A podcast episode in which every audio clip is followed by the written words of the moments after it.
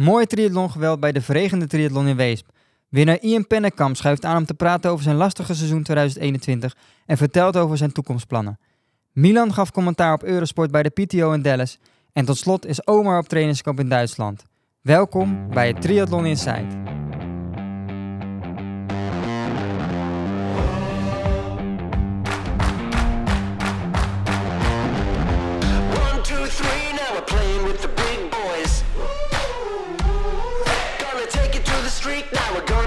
Big noise. Gonna climb so high, now we're rising up. Are you ready now? Turn it up. Are you ready for this? Ja, Wesley, eh, hele goede avond. We zijn met z'n tweetjes vandaag. Ja, goedenavond. Althans met z'n tweetjes. Straks komt er natuurlijk een, eh, een mooie gast bij. Maar we openen vandaag met z'n tweetjes, want, eh, want Omar is er vandaag niet, hè? Nee, oma heeft besloten om, eh, om op trainingskamp te gaan naar, naar Duitsland. Dus eh, die gaat een, voor mij een week maken. We hadden het over 15 tot 20 uur of zo deze ja, week. volgens mij ging je er in ieder geval vol voor. Eh Fietsie is achterin mee inderdaad. En hij zei dat, dat, best wel degelijk weer ging worden volgens mij. En eh, ja, eh, toch alweer aan het voorbereiden stiekem op, die, Ja. eh, op, die, op dat seizoen van volgend jaar. Hij heeft, hij heeft- voor mij heeft hij de smaak te pakken en dan gaat het helemaal eh, goed komen volgend jaar. Komt allemaal door Almere natuurlijk. Hè? Helemaal, helemaal, zo eh, doorgemotiveerd geraakt natuurlijk. En, eh, nee, dus, eh, dus we gaan het va- vandaag even lekker met z'n tweetjes eh, doen. En eh, ik hoop dat dan dat alle de reacties zijn van iedereen dat, dat dit veel leuker en veel beter was dan, eh, dan met z'n drieën bij. Nee. nee, dus we gaan het lekker met z'n tweetjes doen. En eh, we hebben volgens mij genoeg leuks om over te gaan praten. Want, eh, want jij hebt gisteren gewoon geraced. Ja, de triathlon van Weesp was gisteren. Ja, nou, we, Een natte editie. Een hele natte editie. We hebben natuurlijk in onze podcast, de eerdere podcast, hebben we al een paar keer over gehad, over de Trino van Weesp. hè. Ja. En ehm, ja, dat waren wel voor wat andere omstandigheden dan, eh, dan twee weken geleden toen het al 30 graden was. ja, nee zeker. De, de, zomer is voorbij, eh, kan, je, kan je zeggen. Want ja, het begon eigenlijk al bij, ja, bij het zwemmen. Was het, eh, voor het zwemmen ging het, eh, kwam het bakken uit de lucht. En eh, tijdens het fietsen ook. Het was, was best gevaarlijk. Weesp is best een bochtig eh, Ja. parcours. Dus met fietsen was het wel... eh, En met Ja, lopen regende het ook gewoon. En met lo- ja, eigenlijk was het dan het regende continu. Maar goed, het was, was wel leuk om, eh, om weer die race te hebben in Weesp. Want Het het is alweer drie jaar geleden, hè? Want natuurlijk twee, keer, twee jaar niet doorgegaan door Was dit dan, dan jouw derde deelname? Mijn tweede. De tweede deelname pas. In 2019 de eerste keer. Toen twee keer corona en eh, nu eh, de tweede keer. Oké, ja, ja. Dus, hoe- hoeveel verbetering zat er uiteindelijk in ten opzichte van doen? Wat het? Meer dan, meer dan drie minuten. Met deze omstandigheden. Dus ja, ik ben dat- niet, je, moet, je, moet, ontevreden. je moest bij elke bocht moest je de vol in de remmen Ja, natuurlijk. precies, maar Dus ik eh, uiteindelijk zevende. Dus eh eh nou, Ian Pennekamp natuurlijk gewonnen. ja, Eh, Joost Frederiks tweede en Stef Overmars derde. Dus ja, dat was een mooie, mooie race. Ja, want jij kwam, jij kwam als 27 het water uit. Uiteraard. En ja, nou, ja, je, je hebt je lekker je tijd voor genomen voor het zwemmen, laat ik het zo zeggen. Warming Eh, up. Ja, warming up inderdaad. En, eh, en vervolgens begon je wel aan een lekkere inhaalslag eh, inderdaad. Want elke, elke ronde was je gewoon weer een paar plekjes naar voren gereden. Ja, dat is het gebruikelijke bij mij. Hè. Dat zwemmen, dat is, ja, dat is. En ik, ik hoop dat het een keer wel wat wordt. Maar ik doe er best veel voor. Maar ja, het, het- ja, ik weet het niet. Dat moet een keer gaan komen, denk ik. Wat ik wel al vaak heb, zeker met zo'n massastart, dat ik heel vaak in paniek schiet. Hè, dat ik echt eh, met ademhaling gewoon een soort hyperventilatie krijg. Dat had ik nu niet. Dus ik heb het idee dat ik dat wel overwonnen heb of zo. Ja, Eh, dus nu, eh, is het, nu moet ik gewoon sneller gaan zwemmen of zo. Dat ja precies. En ehm, ja, we gaan het zien. Laatste, ja, echte serieuze test in een soort van triathlonverband voor, voor de triathlon van Hawaii over iets minder dan drie weekjes. Ja, over drie weken. Over twee weken vliegen we. 1 oktober vliegen wij daarheen. En dan, eh, ja, dan gaat het echt gebeuren. Dat, eh, we hebben er heel veel zin in met, met, met het gezin. Iedereen die verheugt zich erop. Dus eh, ja, dat is, wordt een mooie, mooie tijd, denk ik. Ga je dan nu nog met, met een ander gevoel naar een race van gisteren, met een beter gevoel? Of misschien dat je denkt van, nou, ik weet het niet helemaal zozeer, naar, naar Hawaii? Of ben je helemaal niet meer bezig met die race van gisteren? Nee, dat, kijk, dat zijn, dat zijn afstanden die kan je niet vergelijken met een Tuurlijk, hele... ehm, kijk, dat zijn jongens... Ian En de omstandigheden ook niet? Dat, nee, dat sowieso niet. Kijk, maar dat zijn jongens, jonge jongens die trainen op die korte afstanden. Dat Ja. kan je niet vergelijken met mensen die, die echt voor die lange afstand gaan. Dat, die, dat, is, dat, ja, dat is niet te vergelijken met elkaar. Ehm, dus dat zegt mij niet zo heel veel. Ehm, nou, wat ik zeg, dat, dat zwemmen heeft me wel weer een goed gevoel gegeven. Omdat het in, in, op Hawaii zal je ook met een massastart zijn. Met je age, met je age group in ieder geval. Dus eh, ja, dat geeft dan weer vertrouwen. Maar ja, dat, eh, ja, eh, ik haal meer vertrouwen uit een Ironman Kalmar, zeg maar, dan, eh, dan een triathlon van Weesp, moet ik Ja, zeggen. snap ik. Snap ik. Maar ehm, ik wil wel even duidelijk maken, eh Weesp is nu natuurlijk nu voorbij, maar we gaan voor, ik wil me hard maken voor de, voor de triathlon voor 2023, voor de startlijst. Ja, wat dan? Ehm, ik ga ook echt bij elke gast vragen of die op de startlijst wil, of dat ik hem op kan schrijven voor de startlijst. Dat wordt echt 2023 Ik, editie. ik, ik wordt zie je weer een beetje schuin oogjes naar Ian kijken. al. Ja, ja, ja. En, ehm, ehm, en ik ga er serieus hard voor maken om, om echt eh, prijsgeld eh, bij, de, bij de wedstrijd te krijgen. En een fors ook. Ja. Dus ik zou zeggen, eh, oren open houden de komende periode. En ik hoop dat, dat heel veel mensen zich... nou, ik duurt nog wel even dat je kunt inschrijven, maar hou er rekening mee in je planning. Triathlon Wees volgend jaar. Ehm, PTO-wedstrijd. PTO. Wellicht, ja. Ik Nee. hoop dat mannen als, als Brownlee en Bloemenveld allemaal nu niet luisteren, want dan komen ze Ja, ook allemaal naar, eh, naar Wees volgend jaar. Nee, het zou toch leuk zijn? Ja, le- leuke plannen. Het is eh, nogmaals Weesp, eh, ondanks zelfs dat er gisteren eigenlijk een verregende editie was, eh, vond ik dat er nog best wel aardig wat mensen lekker langs de kant stonden. En, en Ja. ik vond dat er veel mensen hebben meegedaan. En, Zeker. het was wel heel koud. Om, ook om te kijken in ieder geval. Tijdens de race zal, zullen jullie het waarschijnlijk wat, niet, niet heel erg koud hebben gehad, maar het was om te kijken wel echt winterachtig. eh. Ja, het was, ik, ik kan me voorstellen dat sommige mensen zoiets hadden van... nou, ik ga lekker warm naar huis, want dit was... maar ja, ja, het is niet anders. Daar kan je niks aan doen. Ja, hoe zien die eh, komende anderhalf tot twee weken, eh, laatste, laatste weken in Nederland dan nu nog voor jou eruit?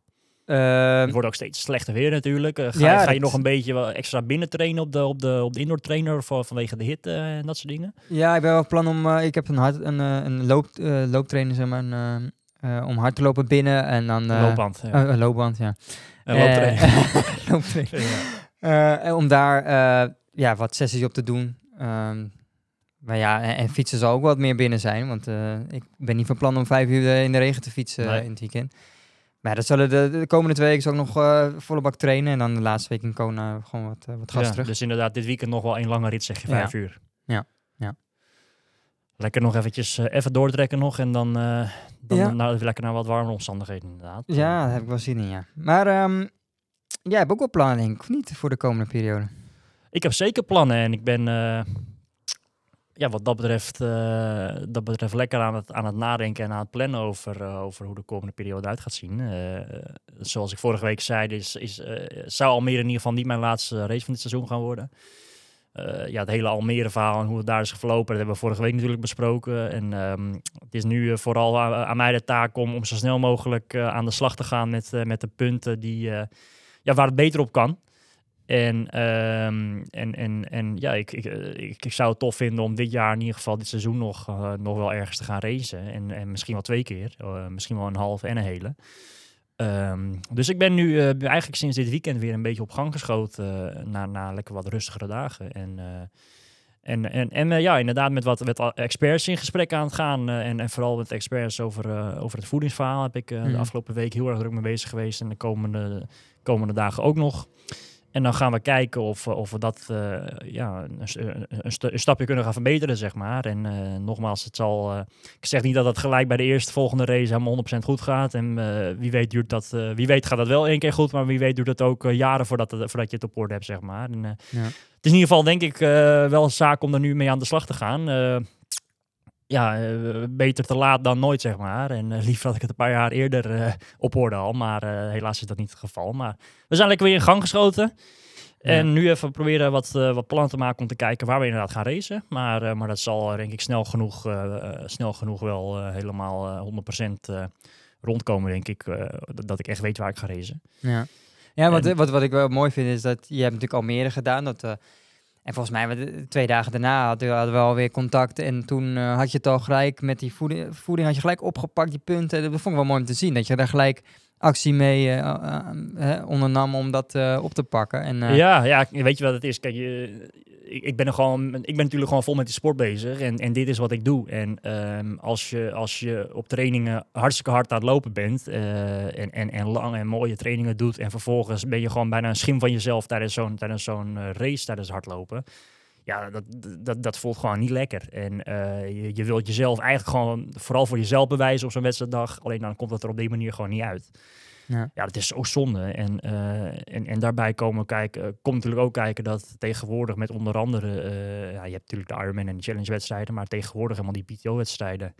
Ja. Ja, dat, daar, daar zijn de belangen gewoon wel, be- worden daar wel groot, zeg maar, aan, aan, aan onder andere prijzengeld en dat soort dingen. En hoe, to- Ja. hoe tof zou het zijn dat je op een gegeven moment ehm, met misschien wel een paar Nederlanders ook tussen die PTO-wedstrijden kan mee gaan meedoen. En, en als je dan daar ook nog wel eens goed kan gaan scoren, dan kan het, dan kan het eh, wel heel interessant worden om inderdaad fulltime voor dat triathlon te gaan. En dat, dat zijn geen voetbalsalarissen, helemaal niet. Maar, Nee. maar dan kan je wel op een beetje normale manier van die, van die eh, sport leven als, eh, als prof. En Ja. ja, het is heel tof dat die, dat die, ja, dat die richting nu ingeslagen wordt. En ik, ik hoor ook aan alles, aan de mannen die nu een beetje eind 30 zijn. Dus een Bastiaan Kielen bijvoorbeeld, weet je, die zegt ja. overal van, was, ik, nog, was, was ik maar maar. 22 nu weer, weet je wel. want, want er staan gewoon toffe dingen te gebeuren. En Ja. Nu is het dus eh, zaak om, eh, om, om zo, eh, ja, zo snel mogelijk, eigenlijk zo goed mogelijk te worden. En, en dat je in, in dat hele circuitje ook mee kan gaan racen. Ja, want je ziet Nick Heldoorn, die, die staat natuurlijk tweede op, die, op, de, op de ranglijst van de bonussen van Challenge. Van de challenge, ja.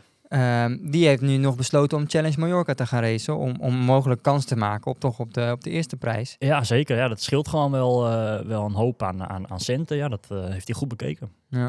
Dus die start wat voor mij 15 oktober? 15 oktober inderdaad. Ja, Ja. 15 oktober is de halve challenge op Mallorca. En eh, ja, mooie wedstrijd.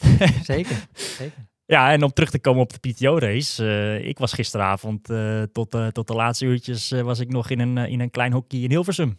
Ja, ik, ik, ik heb gekeken en nou ja, dat, dat beviel me wel, dat commentaar moet ik zeggen. En het was een mooie race. Het was echt, wel, ja, toch wel onverwachte winnaar, denk ik. Ja, ja, en ik denk dat van tevoren niet iedereen helemaal had opgeschreven als, eh, als, als winnaar en laat staan podiumkandidaat. Ehm ik zelf zeker ook niet. Ik wist dat, het, eh, dat hij wel heel, heel hard kan lopen, maar ik had hem misschien niet helemaal vooraan verwacht.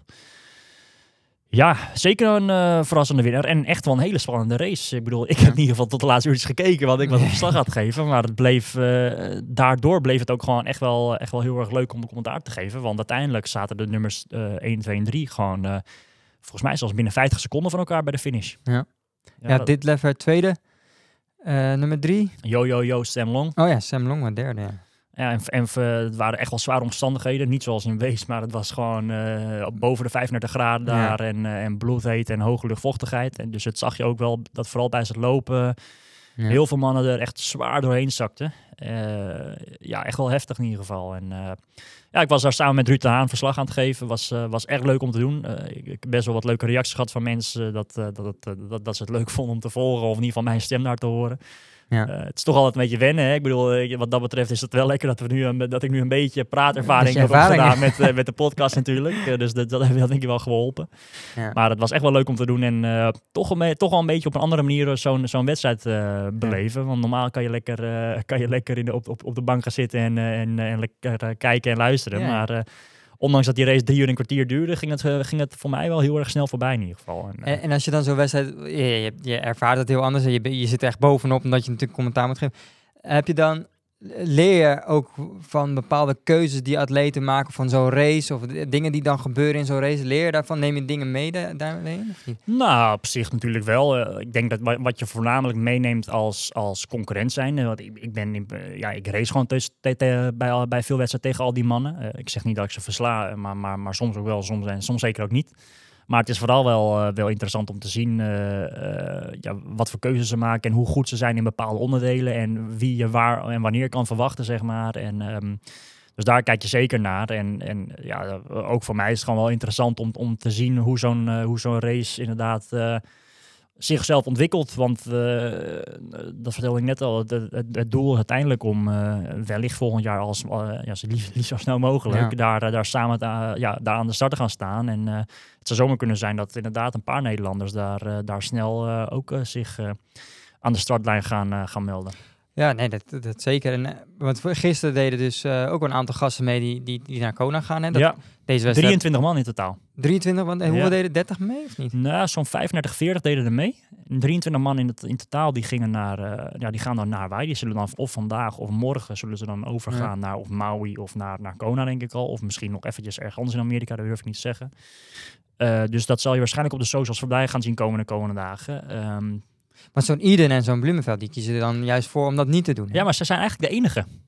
Ja. Terwijl je, ja, voor hun is het natuurlijk een grote kans om weer eh, een hoop prijzengeld Ja, te... 100.000 euro voor de winnaar inderdaad. Ja, dat, is, eh, dat is zijn keuzes die ze maken. Ehm, uiteindelijk, momenteel, ondanks dat die PTO-races zo, eh, zoveel geld met zich meebrengen momenteel, is de status van Hawaii toch nog wel Ja. veruit het belangrijkste en het grootste. En ehm, ook het prijsgeld is daar niet meer, in ieder geval voor de eerste zoveel. Er wordt, er wordt bij de PTO-race een stuk dieper betaald, dus, dus veel meer Ja. mensen krijgen geld.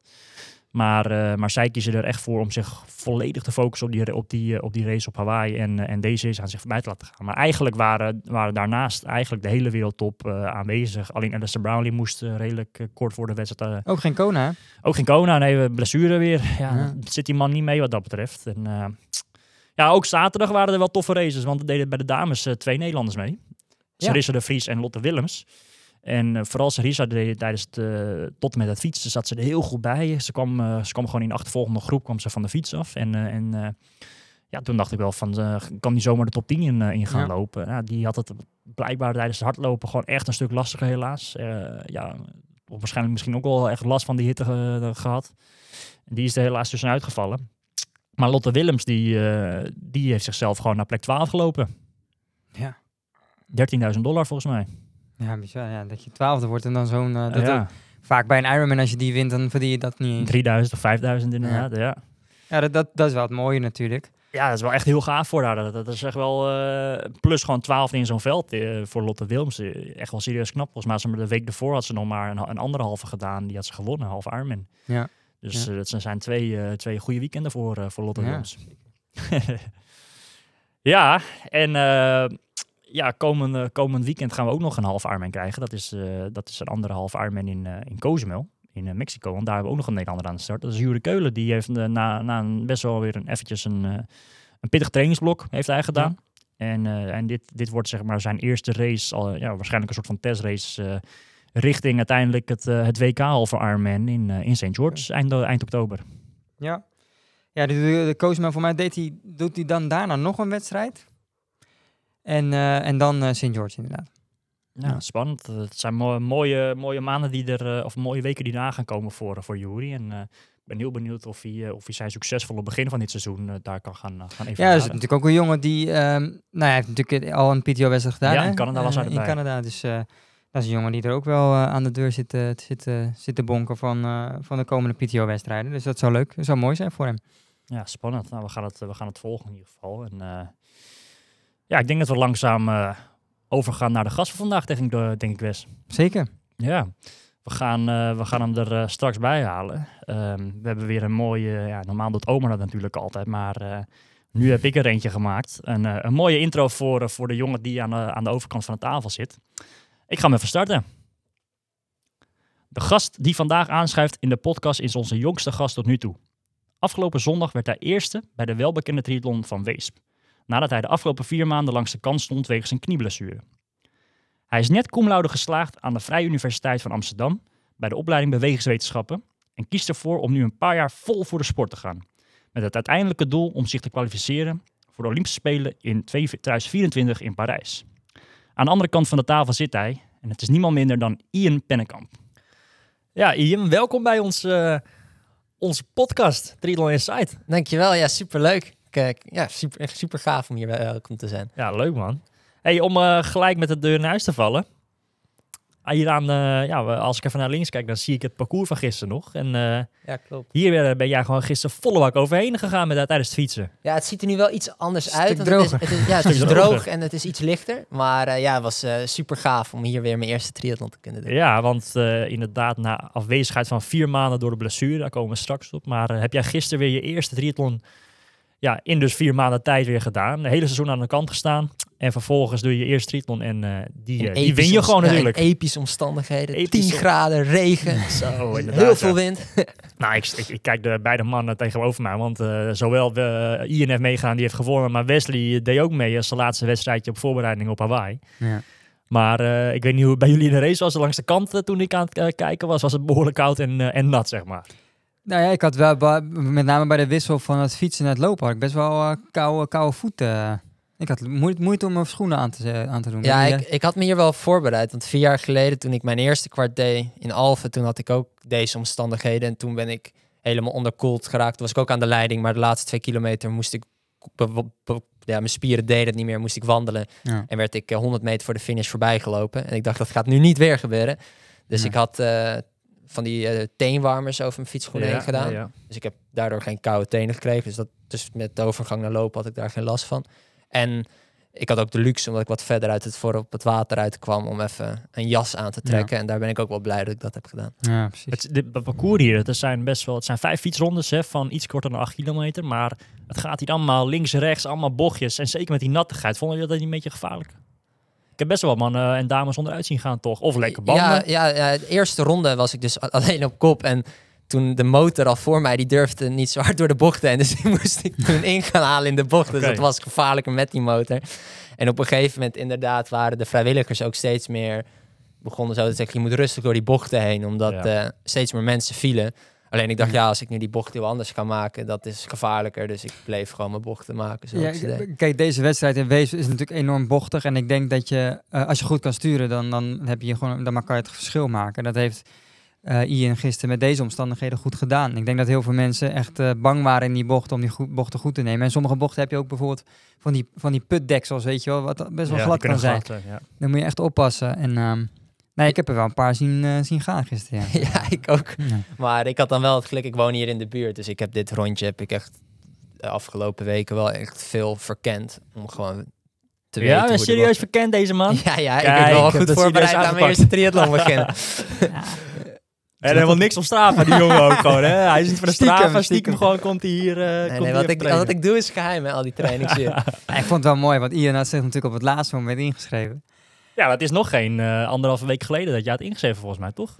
Eh, nou, ik had me volgens mij begin augustus, in een maandje van Oh, toch al een tijdje geleden. Ja, be- alleen voordat ik op de lijst kwam duurde even, want ik moest wat regelen via de... Nou, want, eh, want, er gingen allemaal geruchten. Ik kijk Wesley even aan. Er gingen allemaal geruchten dat jij door, doordat wij zo positief waren op het Nederlands wees, dat, dat je daardoor ineens had Ja, ingeschreven. Dat, dat was een van de redenen inderdaad. Maar eh, nee, ik, het, mijn knie ging steeds beter. Ja. En ik dacht, als ik weer iets wil proberen, dan wil ik gewoon een wedstrijd doen in de buurt. Wat gewoon leuk is en waar niks van afhangt. Ja. Waar ik gewoon lekker mijn eigen plan kan racen. Waar, geen, waar niks van afhangt. En ja, deze wedstrijd, heb ik nog nooit gedaan. En ik wou hem heel graag een keer doen.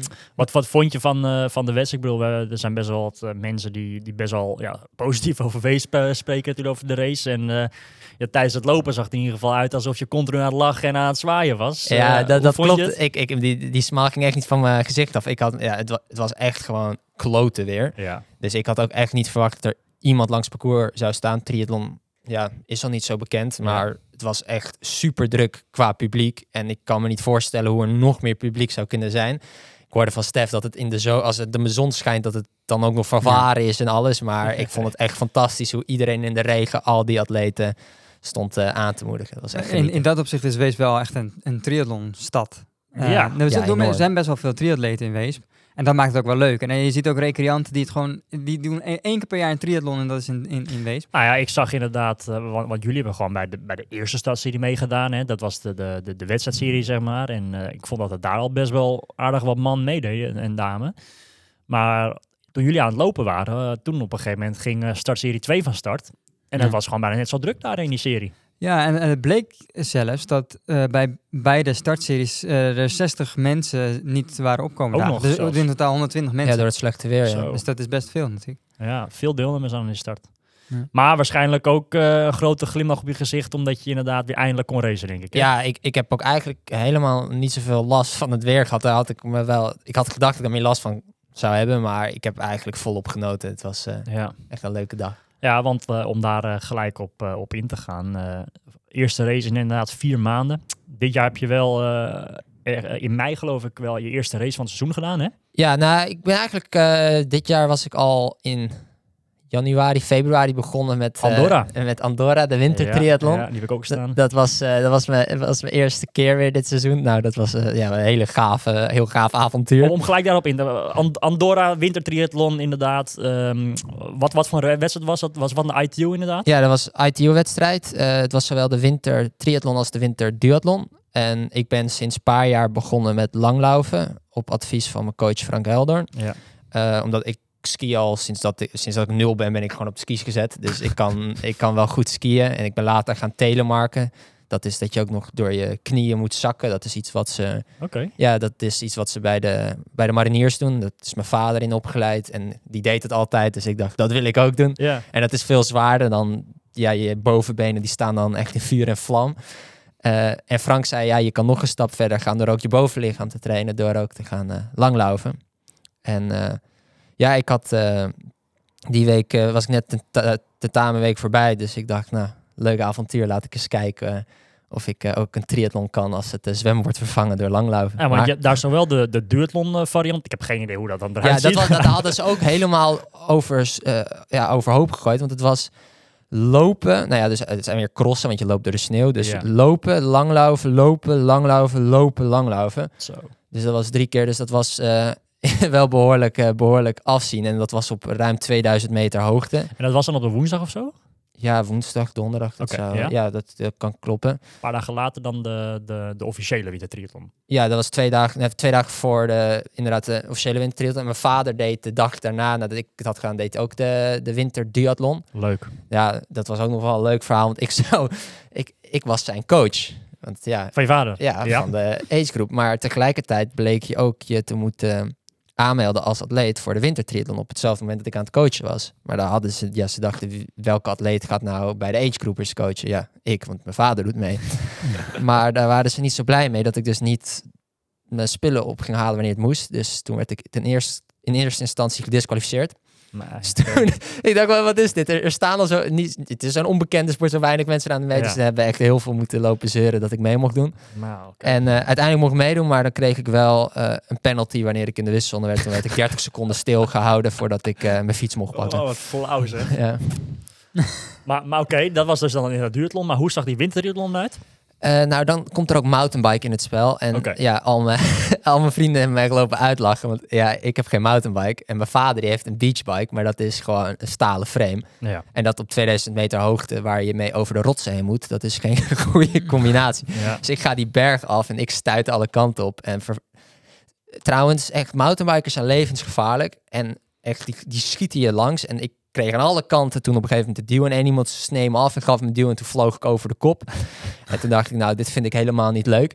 En toen heb ik eh, heel langs gefietst. Eh, in de triathlon heb ik vaak een van de snelste fietstijden. Maar nu was ik eh, drie minuten langzamer op de ene laatste. Oei, oei, oei, dus dat winterduathlon, eh, triathlon, ik moet nog even werken aan het mountainbiken. Dus Ja. ik heb al veel advies Waar, waar in Andorra was dat? Was dat echt eh, helemaal bovenaan dan? Bij Port Anvalira? Ja, dat, eh, dat snap ik ook niet helemaal. Want toen we dus erin rijden vanuit Frankrijk, was het een super mooi besneeuwde berg. Mhm. Maar het was aan de Spaanse kant. Dat is de Franse kant, maar het was aan de Spaanse kant. Oké. kwamen we daar, Ja. 20 graden en zon. Zo. Er was geen sneeuw. Terwijl als je aan de andere kant bent in Andorra, is er volop sneeuw. Dus ze hebben nog, eh, op de wedstrijddag hebben ze allemaal sneeuw nog moeten schuiven vanuit tussen de bomen om gewoon wat sneeuw op het parcours te hebben. Oké. Wel grappig joh. Ja, Maar goed, dan komen we, eh, ja, dan, dan, gaan we de maanden verder, een paar maanden verder. Dan ga je je eerste race doen in Caorle, ja Italië. Klopt. klopt. toch? Eh, hoe is die gegaan dit seizoen? Eerste race? Ik had er wel veel zin in, maar ja, achteraf wel teleurstellende wedstrijd. Eh, ondertussen was ik ook mijn mijn scriptie aan het schrijven en dat kostte toch meer tijd en energie dan ook gewoon wanneer ik daar was. Gaf dat toch meer stress. Op zich prima eerste wedstrijd, maar het was niet waarvoor ik kwam. Mhm. Eh, weer veel ervaring opgedaan, ook over eh, reizen en gewoon hoe je dingen voor een wedstrijd aanpakt. Alleen ook daarom, omdat ik met die scriptie bezig was, eh, wa- was ik wel van, ik wil die scriptie af hebben voordat ik eh, mijn volgende wedstrijd heb. En dat Ja. zou het EK zijn. Eh, helaas, precies. Heb, dus ik, toen heb ik heel hard aan, aan mijn scriptie gewerkt. Een week lang, 10 à 12 uur per dag, gewoon volop schrijven aan die scriptie. En toen was hij, toen was hij af. En ik dacht, ik ga niet even loslopen de dag voordat we zouden vertrekken naar het EK. En toen, eh, toen had ik mijn- ongeluk met hardlopen. Dat was niet zo handig. Wanneer was dit? Dat was juni. Eh, nee, dat was eh, eind. De, de wedstrijd was 14 mei. En toen heb ik dus daarna vol gefocust op mijn scriptie. Want Ja. die wou ik gewoon af hebben. En knie was vervolgens op 23 mei. Oké, eind mei dus nog inderdaad. Ja. Echt aan het begin van een seizoen dan eigenlijk. Net één wedstrijdje gehad en dan ja, helemaal klaar, je scriptie klaar. En je gaat nu vol richten op de wedstrijden die eraan gaan komen. Onder andere met het EK aan begin. Ja, en dan gebeurt dat inderdaad met je knie. Wa- Wat is er precies gebeurd met je knie? Ja, nou, ik geef de schuld dus aan mijn scriptie. Want 10, 10 12 uur per dag zitten is gewoon niet goed voor je lichaam. En de dag, oh, ik ging op zondag nog een stukje loszwemmen. Toen- Blessure door je scriptie. Nee, je Wesley. Dat is Ja, wel een goede... dat, dat kan. Dus eh, we- we- we- wees voorzichtig als je scriptie schrijft.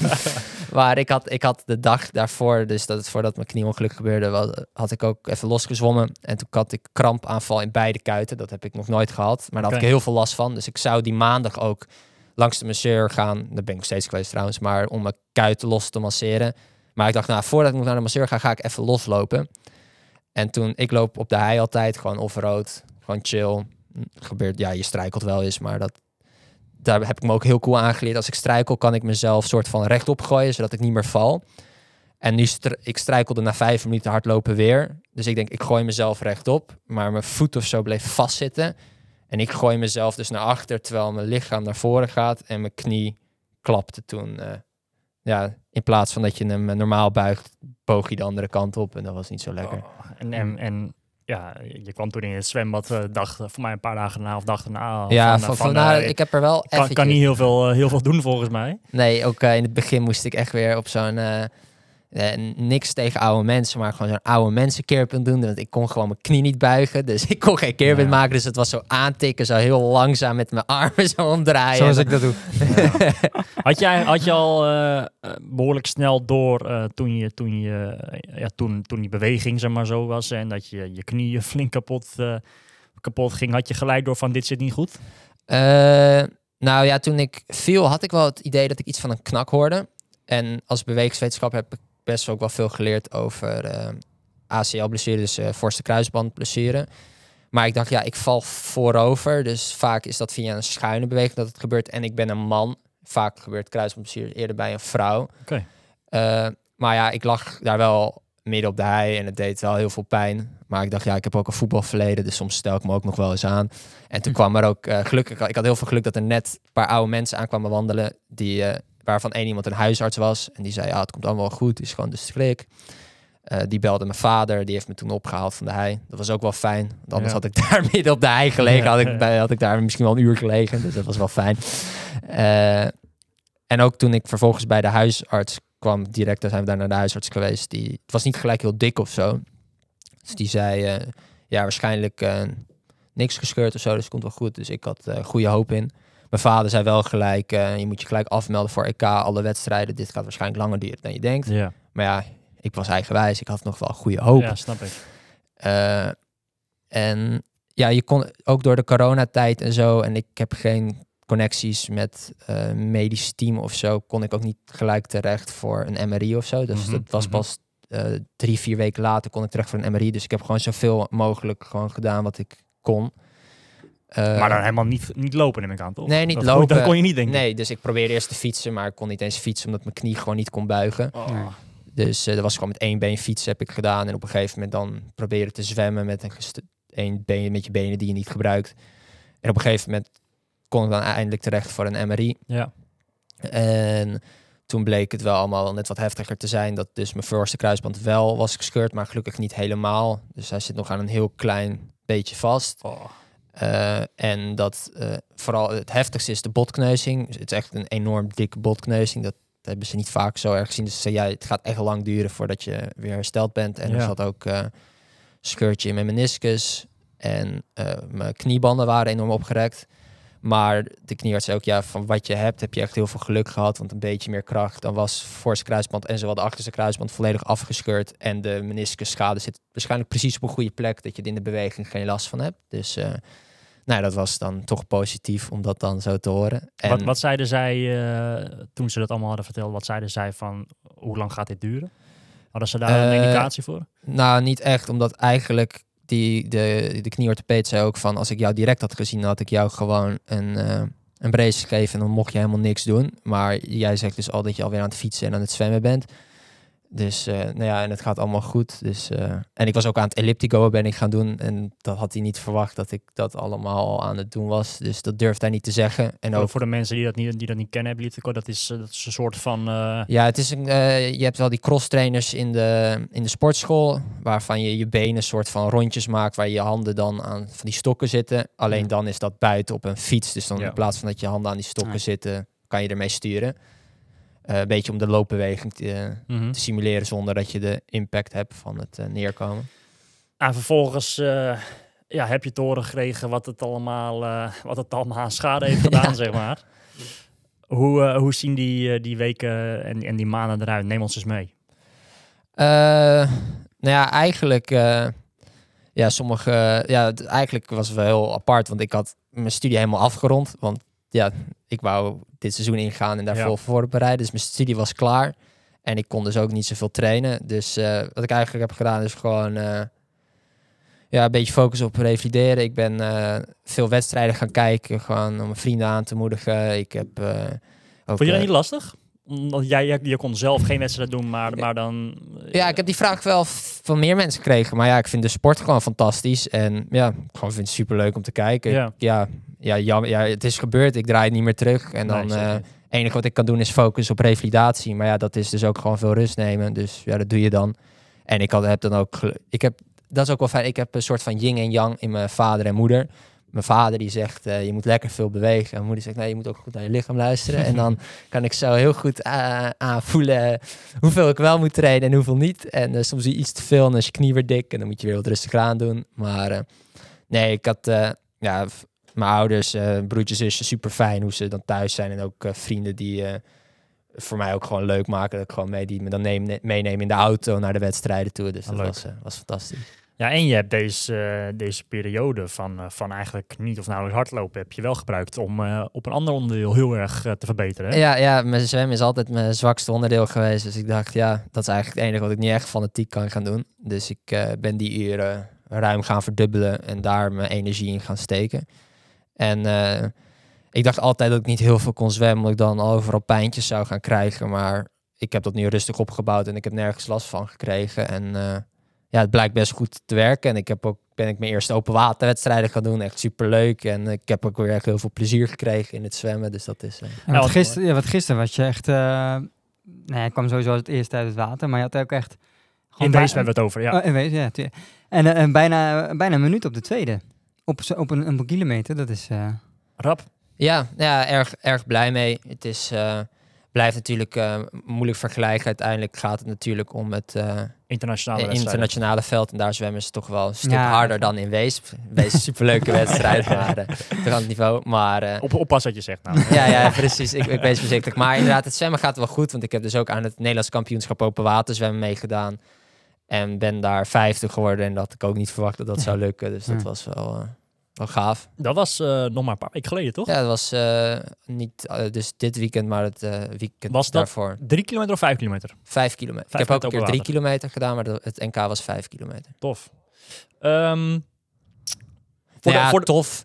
Achteraf bleek dus dat er, eh, dat er gewoon de E. coli-bacterie in het water zat. Oh, dus iedereen is heel ziek. Ik was ook, vorige week heb ik helemaal niet getraind, want ik, eh, alles kwam er aan alle kanten uit. Dus dat was niet zo fijn. heb je dat van meer mensen gehoord dat ze dat... Nou ja, eh, ik, ik voelde me niet zo lekker op zondag. Dus dag daarna dat ik een eitje had gegeten. Dus ik denk, oh shit, voedselvergiftiging. ja. Alleen te kregen van een dag later een e-mail van de organisatie. Ja, eh, we hebben gehoord dat heel veel zwemmers ook echt naar het ziekenhuis moesten. Waar was die wedstrijd?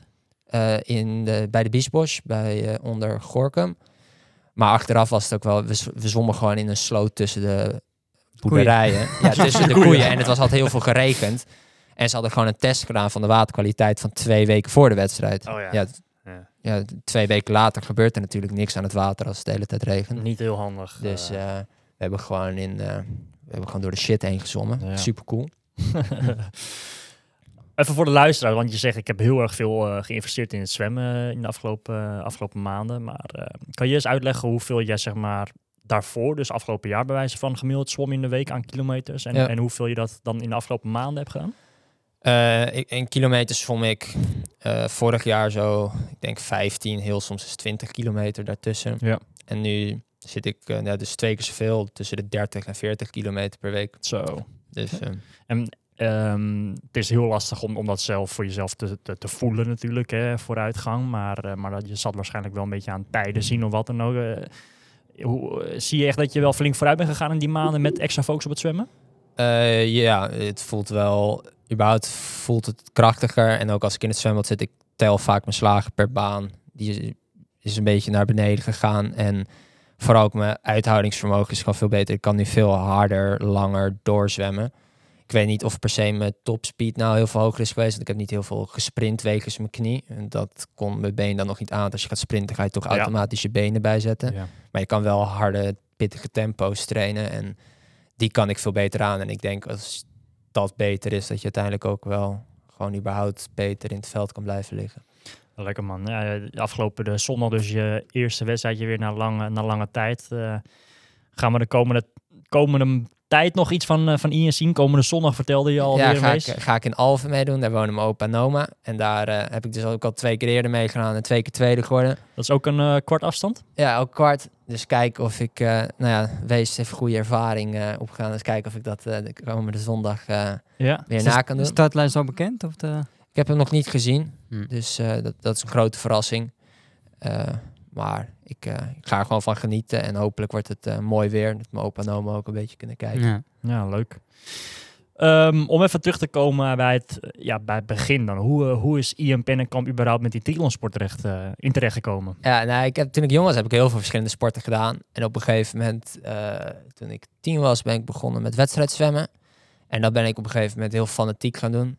Eh wou ik ook echt naar de Nederlandse junioren en jeugdkampioenschappen. Hoe kwam je in aanraking met het zwemmen dan? Eh, dat komt dan eigenlijk weer de triathlon. Eh, ik, ik heb, dat is echt heel lang geleden, heb ik een keer aan de Triambla meegedaan. Ja, Ameland. Ameland toen ik negen was. En ik weet niet, het was gewoon film. We gingen met vrienden naar Ameland en de Triambla was daar, dus dan deden we dat. En, op, op je negende gewoon met vrienden naar Ameland. je. nou ja, gewoon lekker weekendje ouders. bier zo. ouders gingen met Oh, vrienden naar Ameland en wij, wij gingen dan mee. En nou ja, toen, ik weet nog, het was 125 meter zwemmen in een zwembad. En ik deed één baantje heel enthousiast borstcrawl. En de rest van de 100 meter was, eh, was gewoon schoolslag hoofd boven water. Ehm, dus dat was... eh, en ik deed toen op dat moment, eh, op een gegeven moment toen ik tien was, deed ik voetbal en atletiek. Maar atletiek werkte niet meer heel erg met voetbal. En mijn moeder dacht, nou, het is nog leuk om er iets, toch nog iets naast te blijven doen. En zwemmen kon wel precies met de uren, want ook vrienden van ons zaten bij de Otters het Gooi. Ja, van mijn ouders dus en hun kinderen zaten daar. En toen ben ik daar proef gaan zwemmen en ben ik daar terechtgekomen. En daar ben ik steeds fanatieker gaan zwemmen. Op een gegeven moment ook echt, eh, toen ik 12, 13 was, dat ik toen ook 11 uur per week zwom. En op vrijdagochtend om Zo. half zes ochtends, omdat ik het Hm. NJK wou halen. Achteraf had ik er denk ik meer aan gehad als iemand tegen me had gezegd... eh, hou zwemmen lekker leuk en werk aan je techniek in plaats van heel veel uren maken. Want eh, Ja. ik heb het NJK nooit gehaald. En op een gegeven moment, eh, mijn vader begon ook, eh, toen ik negen was, ja ongeveer begon die ook eh, een beetje in zijn midlife crisis. Dacht, oh, ik ga triathlon doen. Die is gelijk naar de hele gegaan en die wou op zijn vijftigste naar Hawaii gaan. ja. En dat is hem gelukt. En toen zijn we met z'n allen twee weken naar Hawaii geweest. Kijk Wesley, deze jongen is gewoon op Hawaii geweest ja, al. ja, ik heb daar de, de Iron Kids gedaan. Ja joh, kijk, tof.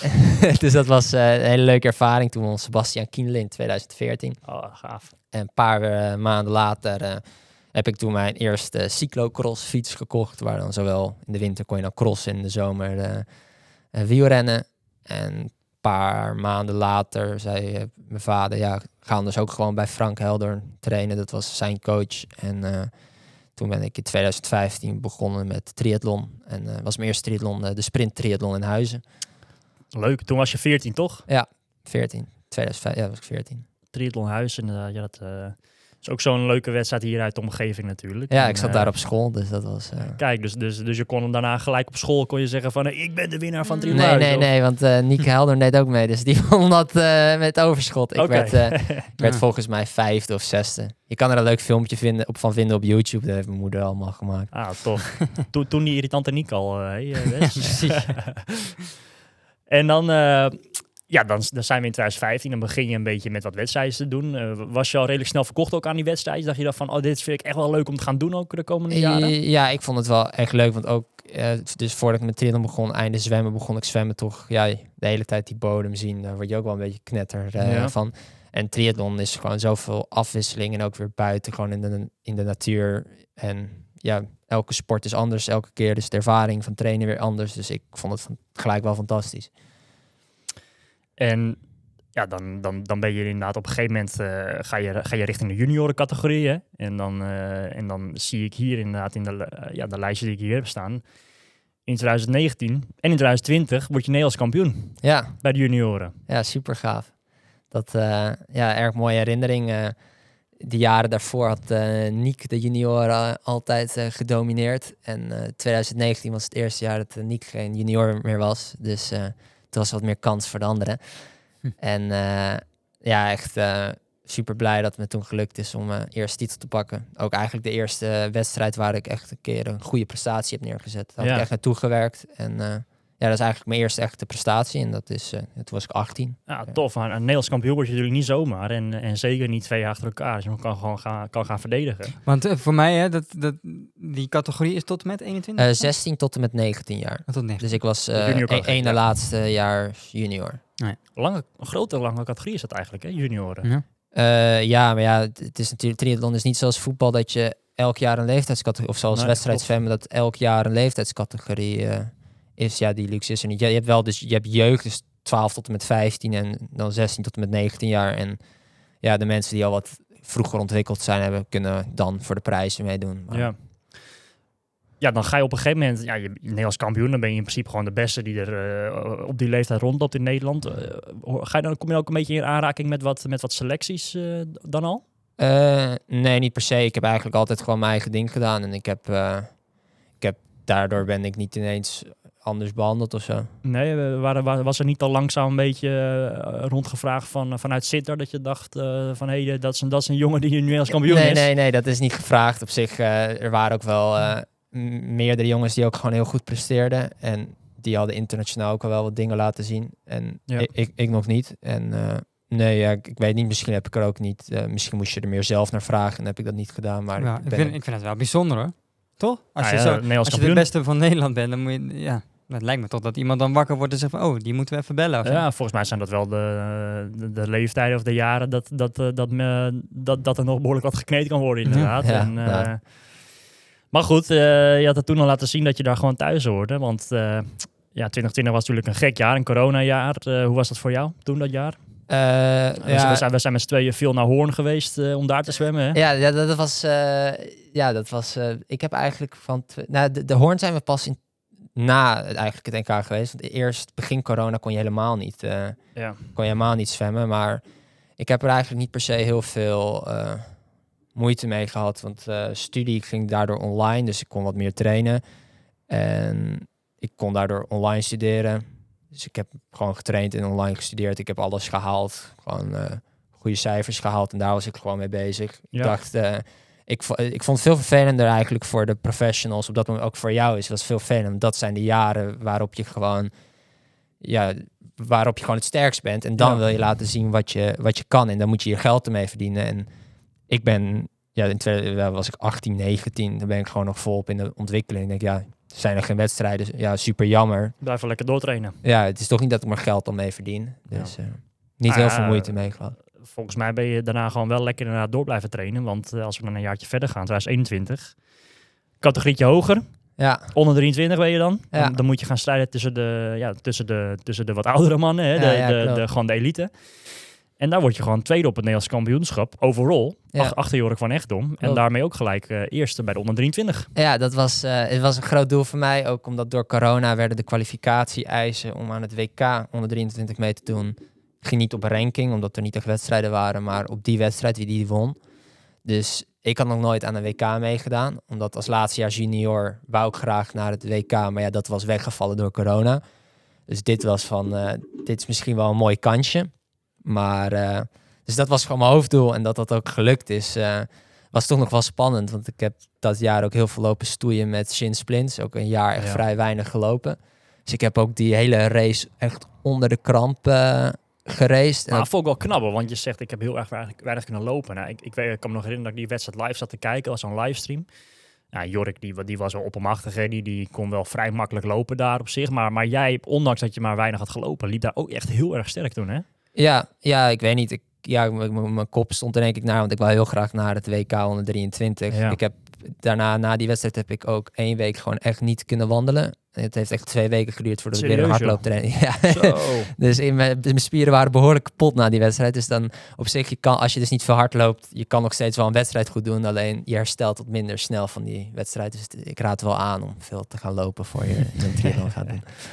Ja, en vervolgens ben je dan inderdaad naar het WK gegaan. Dat was in Canada. Ja, klopt. Edmonton. Dus dat was eh, ja, echt superleuk. Ik, ik, eh, ik heb daar ook familie wonen, dus ik eh, wou daar heel graag racen. Ja. Helaas door corona hebben we daar eh, alleen maar in, in quarantaine in het hotel moeten zitten. Oh joh, En was er niet zoveel te leuke doen. ervaring. Ja, nou, ja, ik vond het nog steeds super gaaf, want het was eh vier ster hotel en ik had een eh, kamer kijk. met eh panorama view, dus ik Oh, heb me wel vermaakt.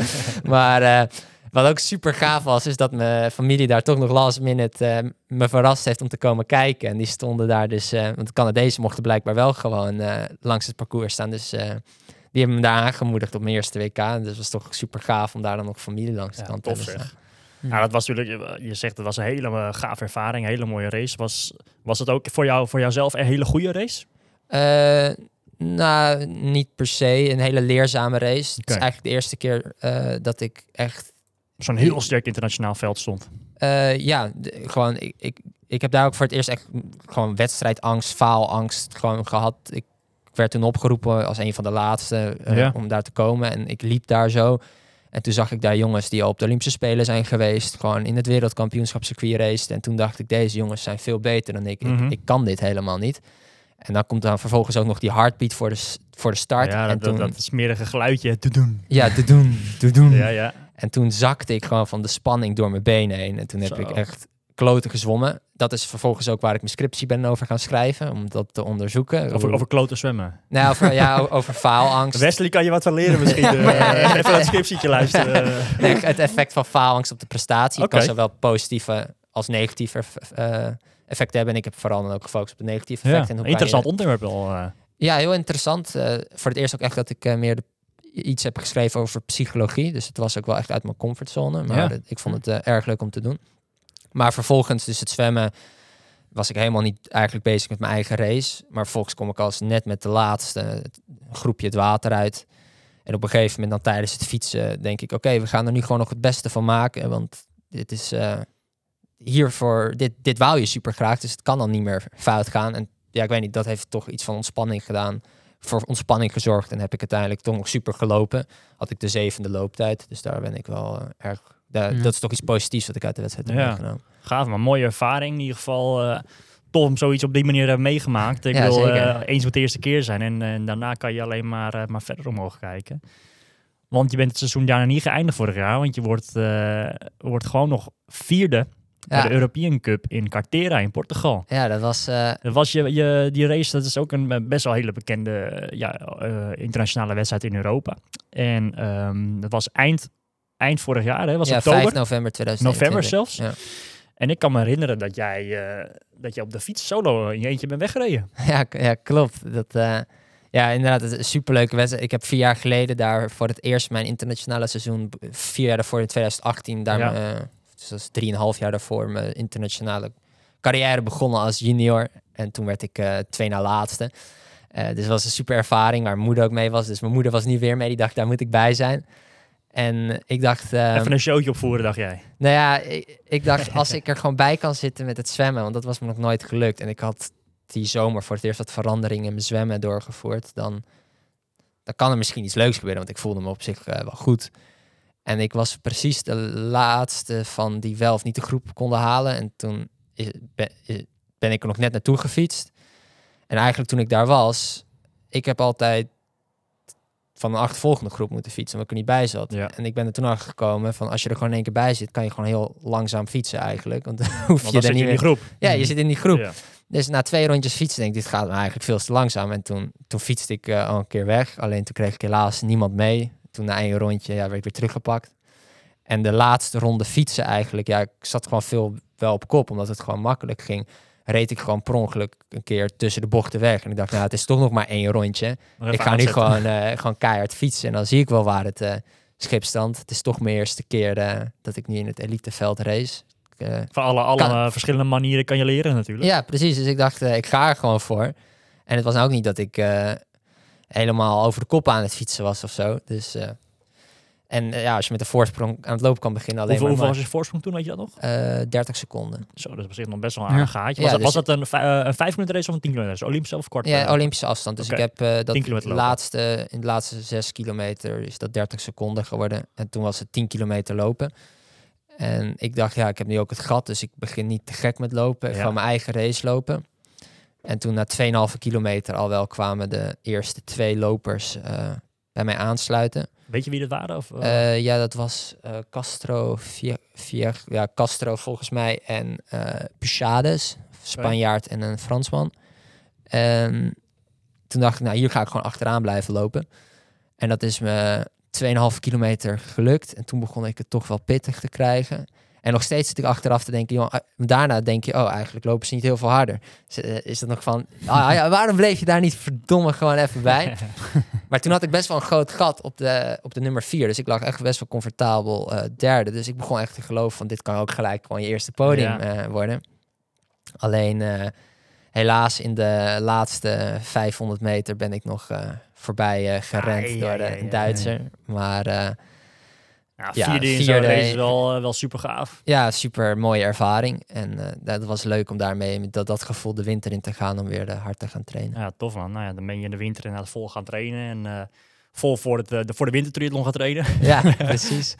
Ja, en dan, dan kom je bij het Dat knie... was mijn piekmoment dit jaar. ja, dan kom je bij het knieverhaal inderdaad. Ja, daar hebben we het net over gehad. En ehm, ja, dan vanaf nu is het inderdaad weer vooruitkijken. Weesp eh, kan je er maar eh, bij geschreven hebben inderdaad. En, eh, Ja, daar staat een mooie, een mooie lijst met winnaars. Echt, Ja, eh, zeker. zeker. Ja, ja, dus ja. als ik ook zo'n triathlon carrière tegemoet, tegemoet kan gaan als een paar van die namen, is dat, dan zou dat mooi Nou zijn. ja, wie weet, daar wil ik nu een beetje naartoe inderdaad. Want, eh, want vanaf hier gaan we alleen maar vooruitkijken. Nou, dit, dit seizoen loopt langzaam een beetje op het einde. Wellicht dat je nog een, een, eh, een Afrika Cup ging starten, zei je ergens Ja. in december pas. Ja, dus eh, ja, hoe mijn knie nu voelt, voelt dat eigenlijk heel goed. Dus, eh, dus ik zit er inderdaad over te denken om misschien nog Afrika Cup te starten. Om toch nog iets van punten te kunnen hebben. Zodat ik Ja. volgend jaar op de startlijst kan komen van World Cups. Ja, want je bent ehm, heel veel tussenstapje. Je bent dit jaar dus inderdaad geslaagd. Je bent cum laude geslaagd. Ja, daar ben ik... Vrije eh, Universiteit van Amsterdam. klopt, ja. aan de ik- opleiding bewegingswetenschappen. Ja, daar ben ik heel blij mee. Daar heb ik ook wel hard mijn best voor gedaan. Dus Ja, dat is, eh, dat is niet niks. Wes. hoogte, Nee. Toch nog wel hoogtepunt. Mij niet gelukt.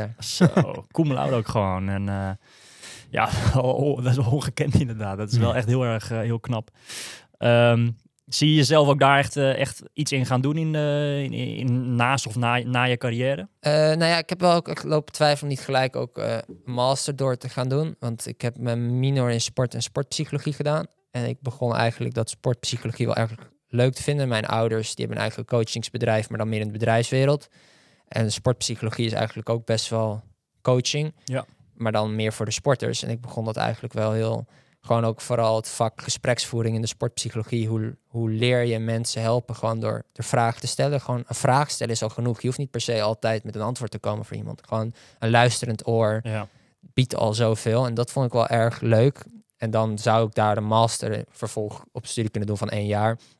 En dan heb je een tweejarige, nog een post-masteropleiding waarvoor je gelijk klaar wordt gestoomd. En dan krijg je het predicaat sportpsycholoog, waarmee je overal op de wereld gewoon direct een baan kan krijgen, omdat je gewoon gecertificeerd sportpsycholoog bent. Welk land zou je kiezen? Ik, eh, dat, dat weet ik niet waar ik... eh, Oké. het meeste biedt. Nee, nee maar eh, nee, dus dat leek me op zich wel, dat, dat lijkt me nog steeds leuk om daarmee, daar een kant, mijn ouders hebben dus een eigen bedrijf, lijkt me ook nog wel gaaf om daar dan een sportkant op, op te zetten, dat je zelf iets opbouwt. Ja. Maar ik heb toch gekozen van sport gaat ook, eh, ging heel goed en ik heb er vertrouwen in dat het ook wel weer goed gaat komen. Ja. Dan eh, eerst dat te proberen, want eh, werken kan ik nog jaren doen. ja, zeker. Nou, je bent nu nog maar, nog maar eh, 21. 21 in een hartstikke, hartstikke jonge gast wat dat betreft. Alleen wel een man met grote dromen. Want je zegt, ik ga er nu in ieder geval één jaar of misschien wel iets langer vol voor het sporten. Want er komt wel iets heel belangrijks aan waar je waar je, je ogen wel op gericht hebt, toch? Ja, ja, Pa- Parijs. Dus ik vind het toch soms wel lastig om dat te zeggen. Maar Ja, omdat Maar wat, wat is er in Parijs? Ik weet dat Disney daar is, maar wat, wat is er in Parijs? in 2024 zijn daar ook de Olympische. Spelen. Eh, en dan eh, wil ik daar heel graag aan de start staan op de Olympische afstand van de triathlon. Ja. Eh, en ja, eigenlijk ook vooral ook sinds vorig jaar. Ik dacht, ja, als je die prestaties zo neerzet, terwijl je ook gewoon heel veel uren aan het studeren bent. Als je die vervangt door meer uren trainen en te En kunnen herstellen, rusten. En, ja. en, en gewoon te kunnen rusten. En gewoon een team om je heen bouwt die jou het beste voor jou wilt om te kunnen presteren. Dan zit er denk ik nog wel een hele hoop verbetering bij mij. Ja, ja want die droom die is er hè, om, om eh, ja, proberen al in 2024 Olympische Spelen te, eh, te gaan behalen. Ja, je bent nu nog maar 21, 2028 of misschien wel langer daarna is ook nog zeker een mogelijkheid wat dat betreft. Ja. Eh, ja, wat moet, er voor, wat moet er voor jou nog nu gaan gebeuren de komende winter, eh, komende jaar, volgend jaar, om uiteindelijk die stap te gaan zetten om je inderdaad te kunnen gaan kwalificeren? Eh, Zowel op, op, op trainingsgebied, maar ook alles omheen bedoel ik dan. Eh, nou ja, sowieso, de eerste stap was wel dat mijn zwemmen beter moest. En ik heb wel het idee dat dat beter gaat. Ik, ben nog steeds wel een beetje zoeken om misschien ook echt gewoon een zwemtrainer te hebben die ook gewoon vaak gewoon mijn techniek kan zien. Want dat is toch wel eh, om die feedback direct te hebben, dat daar word je uiteindelijk veel sneller beter van. En nu werk ik toch wel ook veel meer uren gewoon in mijn eentje af. Ik heb echt een super trainer die fantastische programma's maakt. Maar ja, het is ook wel fijn om af en toe gewoon die feedback te hebben. Eh, en ja, die trainingsomvang die moet ook nog wel omhoog. En om dat aan te kunnen met mijn lichaam, moet ik er dus ook voor zorgen dat ik gewoon goed aan mijn voeding eh, blijf werken. Eh, misschien ook nu eigenlijk gewoon standaard, misschien één of één keer in de twee weken naar de masseur gaan.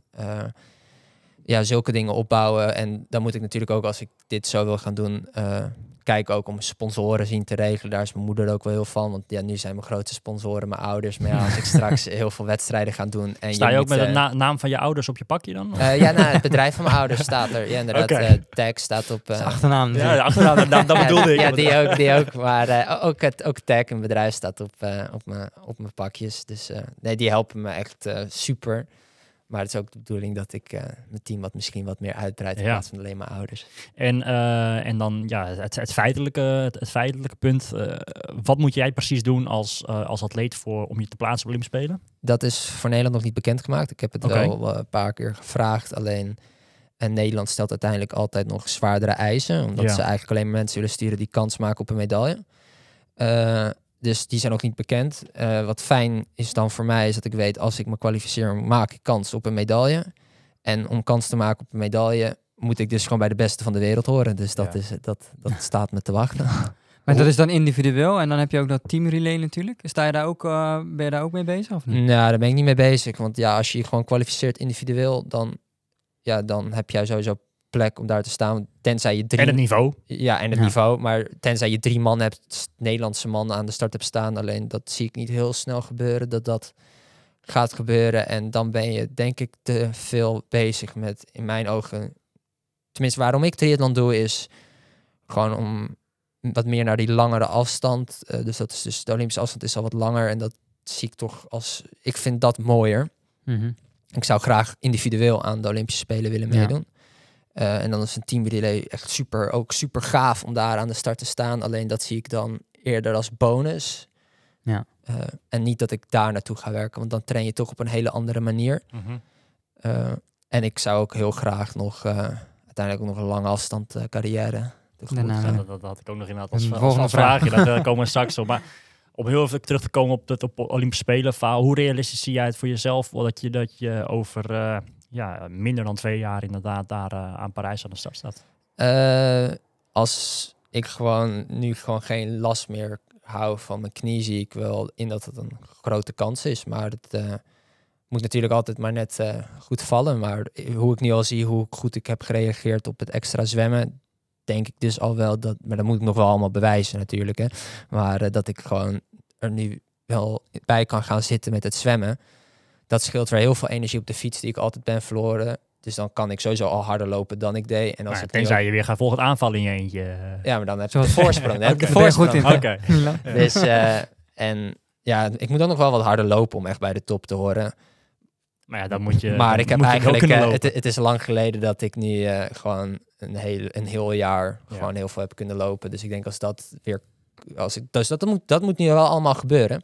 Ja. En punten pakken, zeg je. Hè? Dus op internationale ja, gebied maar daar ben ik ook, als je gewoon goed presteert, dan, komen die, dan heb je die punten wel. Ik Ja. denk ook, eh, uiteindelijk wil je gewoon de wedstrijden winnen. En als je de wedstrijden wint, krijg je veel punten. Zo simpel is het wel, eh, Wesley. Eh, Ja. Ja, ja dan, dan, komen we inderdaad op het puntje wat je net zegt. eh zei je inderdaad, dat je, ja, langere afstanden. Hoe zie jij, hoe zie jij dat eh, voor je dan? Eh, want je zegt eh, eerst in ieder geval de focus op de Olympische Spelen, maar je bent nu nog hartstikke jong. Ja. Maar je wilt op een gegeven moment ook wel een beetje de overstap gaan maken, zeg je. Ja, ja eerst was mijn, mijn droombeeld van 2024 en 2028 Olympische Spelen. En daarna vol, vol focus op de lange afstand. Ja. Omdat ja, Hawaii winnen is toch wel ook een grote droom die ik, die ik heb. Maar tegenwoordig laat Stel Noren zien dat je daar niet per se moet kiezen tussen een Olympische Spelen of een lange afstand. Dus wie Mhm. weet dat ik dat ook wel op een gegeven moment ga Mhm. proberen te combineren. Ja. Maar eh, ik wil het sowieso allebei, op zowel de Olympische Spelen als op Kona, wil ik eh in topvorm hebben gestaan. Ja. Maar eh, om daar iets van een, jaar aan va- te, te, te, vast stellen in mijn hoofd staat eh 2029 Kona winnen. Dat is mijn doel. Uitspraken, Ik schrijf op, uitspraken, Wesley. eh, Ja, dat is toch wel gaaf als Nederland dat ook weer. Hè. Maar eh, tegenwoordig eh, hebben we meer goede Nederlanders op de lange afstand. Dus eh, hopelijk is niemand mij voor. Maar eh, top ze 5. hebben, ze hebben tot 2029 om voor mij te zijn. 2019, eh, 29, top 5. Nou, allemaal Nederlanders dan. eh. ja, precies. nou, leuk. eh, hey, ik, eh, ik denk dat we langzaam gaan afronden met, eh, ja, met, met, met onze vragenvuur aan jou, eh, aan Ian. Ik, eh, ik kijk even de mannen om mij heen eh, ja, aan om, om inderdaad nog wat vragen te stellen. In eerste instantie, Omar, vertel eens wat... Nee, grappig. Eh, Wesley, vertel eens.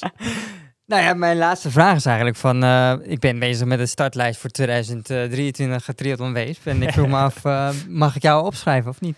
Eh, nou ja, dat wordt dus heel lastig. Want als ik dus naar, eh, naar Parijs wil, dan tellen wel elk... Voor mij telt nu echt elke wedstrijd Ja. die dan internationaal niet gaat komen. Dus dat ligt er maar net aan wat, eh, Of je er punten kan halen. Wat er Ja, internationaal... inderdaad. Dan, dan moet je die vraag terugstellen, Ian. Inderdaad. Van hoeveel, zij- pu- hoeveel zij- punten eh, is, Wordt, het een, eh, wordt het een WTCS? eh, ja, wordt, het- wordt het de wel. World Cup volgend, Ja. volgend jaar?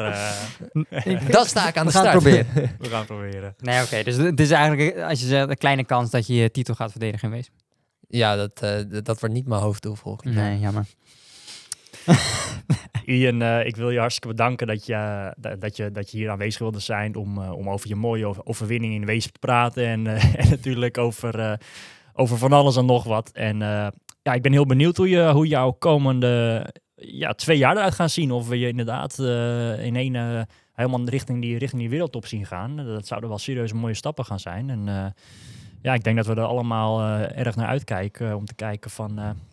wat voor vooruitgang jij gaat boeken. Dus Yes. nogmaals, hartstikke bedankt dat je hier bent. Eh, ja, we, voordat, je, voordat jij eh, ja, weggaat, eh, we hebben nog een, een, een speciaal dingetje voor de gasten die hier langskomen. We hebben een speciale triathlon Inside Mock, die krijg je straks van mij. Ah, super, heel erg Dus je bedankt. zegt, ik, ga, ik ben niet echt van de koffie, maar wie weet moet je daar dan toch mee gaan beginnen, Ja. denk ik. Ja, En ehm, ja, nogmaals, hartstikke bedankt. En ja, tot, tot snel in het zwembad weer. graag gedaan. En jullie mannen bedankt dat ik hier mocht zijn.